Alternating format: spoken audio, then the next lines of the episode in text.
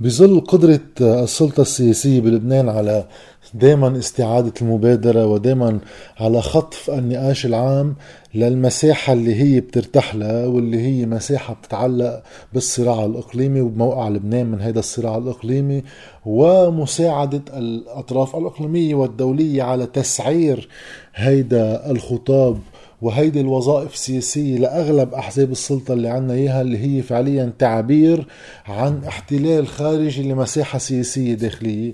لأنه من خارج الطوائف ومن خارج هالأحزاب اللي إلها امتداد أبعد من لبنان القوى الخارجية قدرتها على التحكم بالمسارات الداخلية لا تنقطع ولكن أكيد تتقلص. ما فينا إلا ما نرجع على آه، السؤال اللي ما لازم يغيب عنا. مثل ما للأسف عم بيغيب عنا آه، عن على النقاش العام بالبلد أي من نتائج الانفجار الضخم اللي صار ببيروت والمسؤوليات المفروض تترتب عليه بعد 100 يوم على حصوله. فعليا السياسة اللبنانية تستمر كأن شيئا لم يكن. وللأسف السياسة في لبنان تستمر كمان مع مفاعيل الانهيار المالي والاقتصادي الهائل والضخم اللي عم بيصيبنا من سنة وعم بيتصاعد كأنه أيضا شيئا لم يكن. وعم نرجع نناقش بالخلافات السياسية كأنه نحن بسنة 2005 ولا 2011 بين محوري 8 و14 وبين محورين إقليميين ومحورين دوليين آه، من دون أي تطور بالنقاش السياسي المحلي لغايته هي تحسين حياة اللبنانيين وتحسين ظروف العيش والظروف المادية لحياتهم. آه، اليوم الحكومة معطلة القوى السياسية بلبنان قررت تحط هالحكومة بالفريزر آه، بانتظار تطور المشهد الدولي اللي كان البعض ناطر الانتخابات الأمريكية تشكل انفراج في المشهد مش ضروري انفراج بالمعنى الإيجابي ولكن تظهرنا لوين رايحين؟ آه، زادت التعقيد مع النتائج والإشكالات الداخلية الأمريكية بين إدارة ترفض الرحيل حتى الساعة على القليلة. وتقول أنها هي اللي فازت بالانتخابات والنتائج المعلنة مسروقة منها وإدارة آه، تتحضر لدخول البيت الأبيض آه، من دون من دون وضوح الطريق إلى البيت الأبيض كيف بدها تكون معبدة ولا غير معبدة. آه، الفرنسيين عم بيرجعوا يستفيدوا من هيدا الفصحى آه، في الانشغال الأمريكي الداخلي لتثبيت موقعهم في الداخل اللبناني كضامن للحل المبدئي والكل يتمنى يعني عم بحكي الكل بمعنى الأحزاب السياسية بلبنان تكون منطلقات الحملة الفرنسية آه، مقبولة امريكيا ليمشوا فيها. إذا بشروطها اللي هي فيها. وطبعا في آه، كل التفاصيل الإقليمية والداخلية آه، اللي بتبلش من التفاوض على الحدود وبجر للداخل على شكل الحكومة وأي آه، ميزان قوى ستعكس عبر تشكيلها ولكن الإطار العام لهالتشكيل صار واضح. هي حكومة حسان دياب بس بنشيل حسان دياب بنجيب الحريري ونفوت وليد جنبلاط هذا كل الفرق الباقي. من 8 آذار وكلهم وراء أقنعة اختصاصية بين مزدوجين ولكن بولاء السياسي رح تكون أداة لهيدي القوى لا تستمر باستخدام السياسي والسلطة بلبنان لتثبيت موقعها تجاه الآخر بانتظار آه، توظف نفسها كما دوما آه، للفريق الإقليمي اللي رعايا بياخدها شمال ولا يمين. مع هيدا كله في عنا وضعنا المالي والاقتصادي. الليرة آه، على السبعة آلاف وخمسمية ومش معروف إذا هيدا السعر مدعوم ولا غير مدعوم. بعض الناس بعضهم بانتظار انفراج وكأن هناك إمكانية لأنه ترجع الليرة تنزل نزول لتستقر على أسعار منخفضة. وهيدا آه، آه، شيء من الوهم لبل من الخيال يصير بنتيجة المعطيات الأرقام الموجودة اللي بتعبر عن واقع مأزوم للغاية اللي بيعبروا يعني دايما بحاول ما اكون بوم لأنه آه، وقت واحد يقول أخبار سيئة تلصق به مع العلم إنه مش هو مسببها بطبيعة الحال. بس بين هيدا الخيار واحد يحكي بهيدي الصيغة وبهيدي الصفة أما يعمل مثل ما عمل رياض سلامه نقعد نقول ليرة بخير لحديت ما العالم تاكل الضرب يمكن الأفضل واحد يتحمل صفة اللي بيخبر الأخبار السيئة. ولكن قد تكون سنة 2021 هي سنة الأزمة مش سنة 2020 عم بحكي بالشق المالي. بغض النظر عن أي حل سياسي قد يطرأ لأنه الحل السياسي يشكل حصانة أمنية على وضع البلد. الحل الإقليمي السياسي الدولي بيوفر غطاء على البلد لأنه بيكونوا اتفقوا على تقاسم نفوذ ومصالح الدول المحيطة فينا والأبعد. فإذا بصير لبنان منه ساحة تجاذب إذا صار هذا الحل بل تم الاتفاق على توزيعة معينة فيه. هالتوزيعة المعينة هي بتفيد السلطة الحاكمة لأن هي موظفة لدى القوى الإقليمية والدولية. بقى هون كل واحد يعطى حصته وبتستقر. هل إذا صار هالحل السياسي بيجي معه دفع من المال؟ هيدا خيال وهيدا وهم. مشكلنا اليوم بلبنان لا يتعلق بمليارين وثلاثة لنعمل باريس اثنين يبعثوا لنا مليارين وثلاثة ويمشي حالنا. المليارين وثلاثة بضاينونا شهرين أما ثلاثة لأن نحن منا على أي مسار حل. اللي بده فعليا يوظف سياسيا يعني الحل السياسي يوظفه بحل داخلي بده يجيب معه 25 30 مليار دولار. مين الدولة ومين الجهة المستعدة تحط هالأموال؟ من دون أي شرط سياسي بس لضمان التسوية السياسية.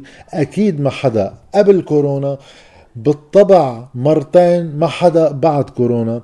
من صندوق النقد اللي ما بيشتغل بهالطريقة أصلا ولا بيحط هالأموال أصلا ولا لأي دولة بالعالم اللي بس تتخلص هلأ أزمة كورونا. وإن شاء الله بالقريب العاجل إذا الفاكسين طلع صحيح وله نتائج جيدة.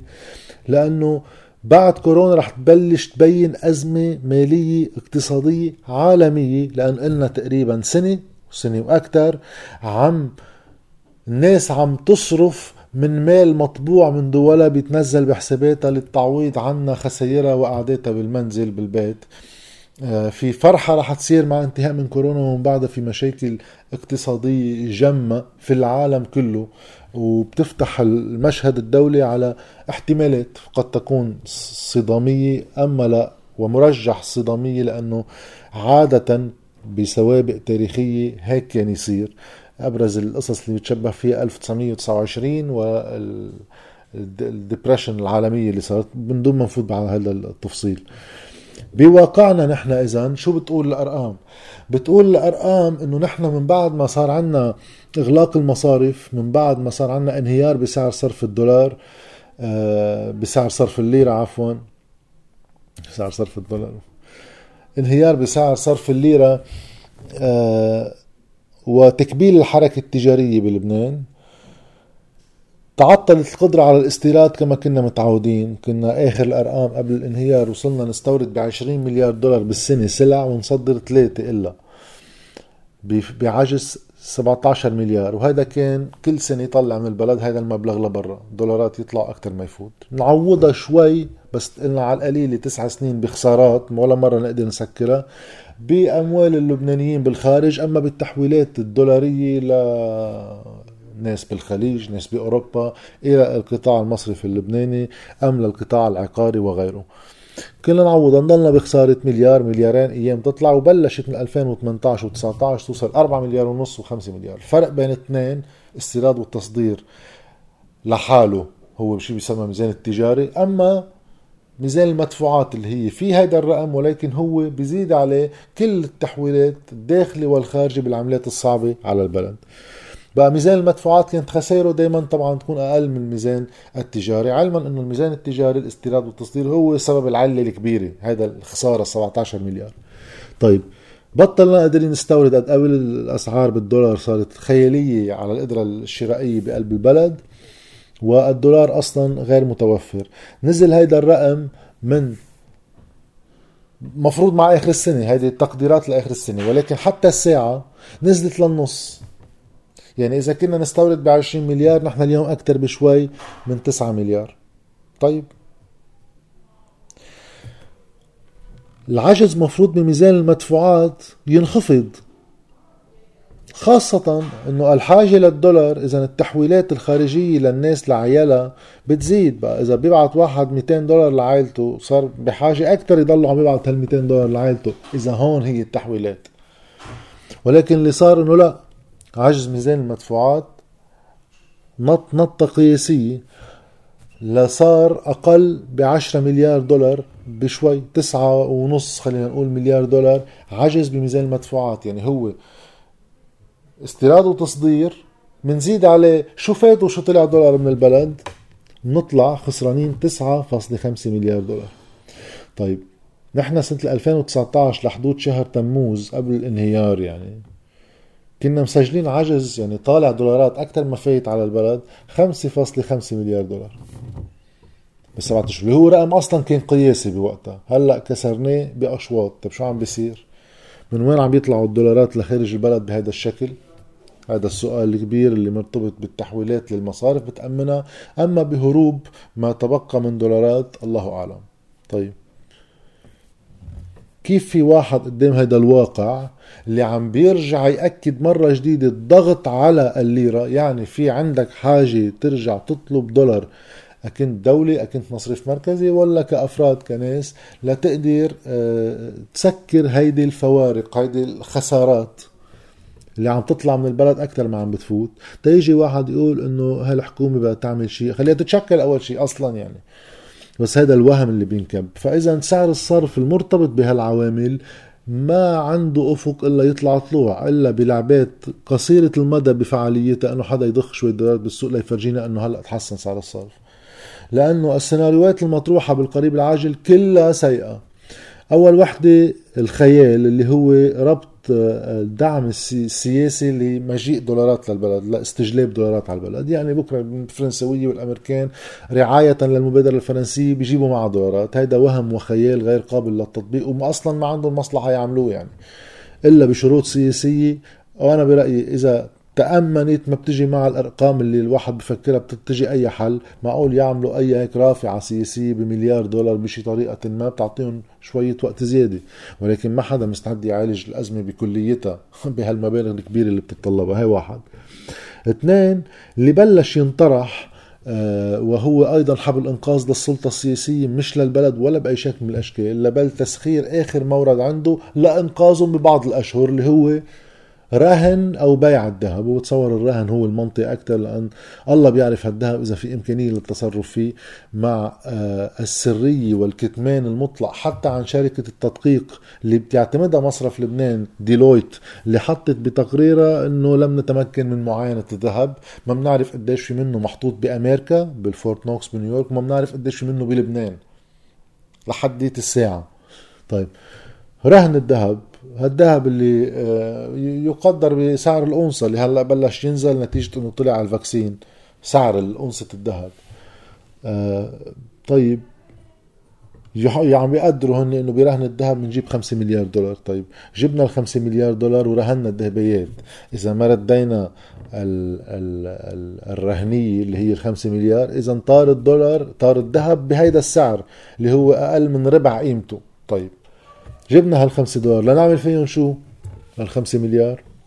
هل في خطة؟ هل في مسار؟ عارفين إنه نحن بحاجة للخمسة مليار لنوظفهم بهالثلاث قطاعات اللي لهم قدرة تصديرية عالية ليرجعوا لنا دولارات على البلد؟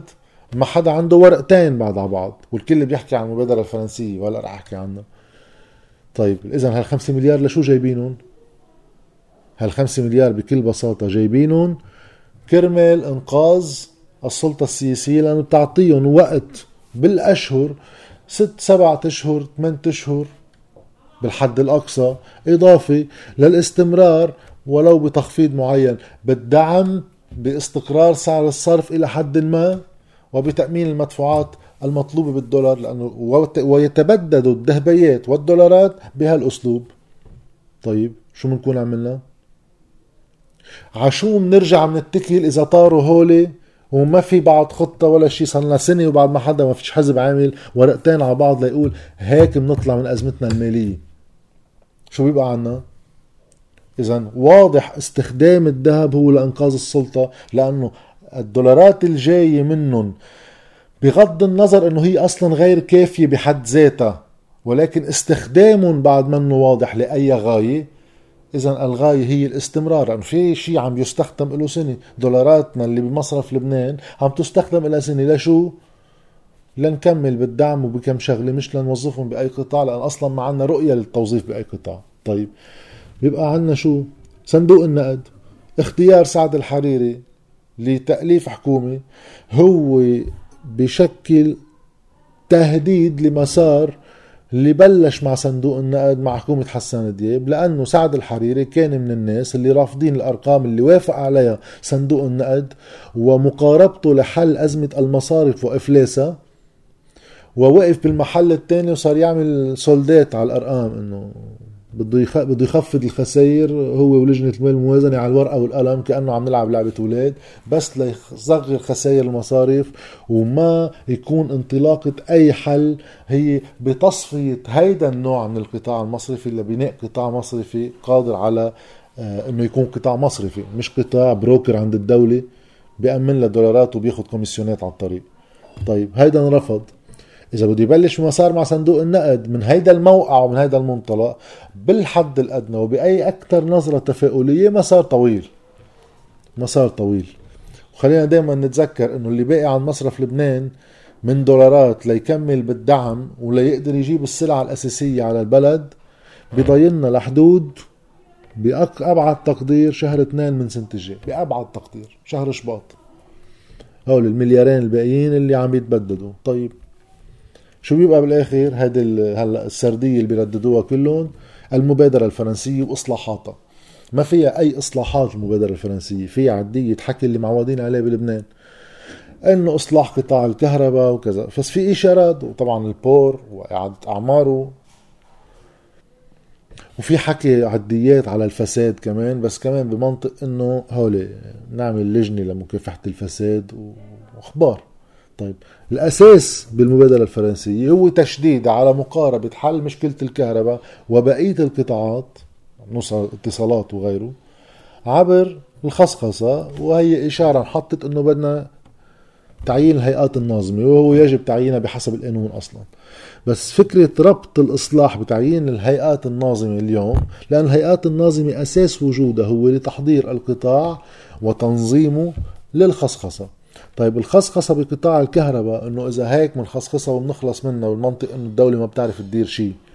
مش إنه الجهل اللي عم بيديروا الدولة عنا هن ما بدهم إياها تعرف تدير شيء. طيب لا إنه هيك فليكن ماشي الحال. هي نظرية من النظرية. طيب خصخصنا لها القطاع في حدا يخبرنا قطاع عليه شي 40 مليار دولار ديون متراكمة لحساب الدولة اللبنانية. وقطاع بده إعادة صيانة جزء كبير من معامله الموجودة. وإعمار وبناء لمعامل جديدة لتقدر تخلق ميجاوات ما يكفي من الميجاوات لنأمن الطلب 24 24 العرض 24 24 مين مستعد يدفع فيها ليرة هيك مؤسسة إذا بده يشتريها؟ إذا بده يخدمك بياخدها ببلاش وهو بيعمل استثمارات مقابل يكلف المكلف اللبناني. نحن فاتورة هالبناء المعامل وهالصيانات. ولكن إذا شركات أجنبية وحتى أنا برأيي إذا شركات محلية محترمة بدها تقدر تأمن استمراريتها كيف بدها تكلفنا؟ كيف بدها تحملنا فاتورة الكهرباء؟ على الليره اللبنانية؟ طيب ليش هي بدها تشتري النفط ولا الدولة؟ اللي بدنا نعبيها نفط هذه المؤسسة تقضي المعامل. نفط غاز ولا أي شكل من أشكال النفط يعني. طيب سؤال. إذا قدرنا نأمن المعامل وخصخصناها وعطتنا فواتير مميزة لسبب ما وعملت كل شغلها سؤال هل هالمصرف المركزي اللي عنا أم دولتنا قادرة تأمن خمسة أما ستة مليار دولار بالدولار سنة الجاي لتجيب ما يكفي من النفط لسياراتنا ولمعامل الكهرباء لتقدر تنتج طاقة على 24 ساعة؟ هي اللي بعد باقي معها مليارين دولار ضبطهم مع رياض سلامة؟ بقى هل مزبوط اليوم تقدير إنه مدخل لاي إصلاح بهيك ورقة بلش بس شعارات؟ يكون فقط عبر قطاع الطاقة؟ من وين بيجوا الدولارات؟ تنحط شوية غاز وفيول بهول المعامل ليضووا. وعلى اي سعر سيكلف. سيكلف المواطن اللبناني ضريبيا مع الحاجة لأنه نشيل الدعم. كله ما في أجوبة عليه بس في إنه المبادرة الفرنسية. بالخلاصة هول المسارات هول السيناريوهات المطروحة الأربعة. وأربعتهم تشاؤميين جدا لأنه بعد ما في أي مقاربة بتقدر تقول أنا تشكيل الحكومة هدفه نوصل لهالنقطة بهالوقت وبدنا هيدي الريسورسز هيدي ال ال الوسائل أما الحاجات المادية لتنفيذ هذه الخطة ضمن هذه المدة الزمنية. لبل في استفادة عم بتروح مع الوقت نتجت هي نتيجة الانفجار وأيضا نتيجة وجود حزب الله ونتيجة كل الوضع اللبناني. بالاهتمام الخارجي بأنه ما ينفجر لبنان بقى دعوة نحصنه ولكن كل مرة أي مبادرة خارجية إذا ما إجت ضمن إطار اتفاق عام بحاولوا يفجروها ويفخخوها من الداخل ومنفوت بمرحلة انتظار عم بيتبددوا فيها شو بقي لنا من الدولارات وبكرة بنجي بنسأل شو بده يصير بسعر الصرف، شو معقول يصير بسعر الصرف بهيك ظروف إلا ما يضلوا يطلعوا طلوع وتتبدد القدرة الشرائية للبنانيين. الإنجاز الوحيد اللي يسجل لهيك سلطة عم توصلنا لهيك محل رح نوصل ب 2021 على الأزمة الجدية اللي هو انقطاع الدعم عن السلع وانقطاع وجود السلع وقدرتنا انه نجيبها على البلد. وبصير الخطر طبعا عم نحكي عن الأدوية والمعدات الطبية. لهون عم نوصل بس عندهم إنجاز واحد إنه رغم كل هيدا الظرف ما في خمسين زلمة عم يتظاهر بالشارع. وهيدا إنجاز يسجل للدولة اللبنانية لأنه ما في دولة بالعالم واجهت هيك أزمة. وكان ردة الفعل الشعبية بعد فترة مع تعمق الأزمة بهالهدوء.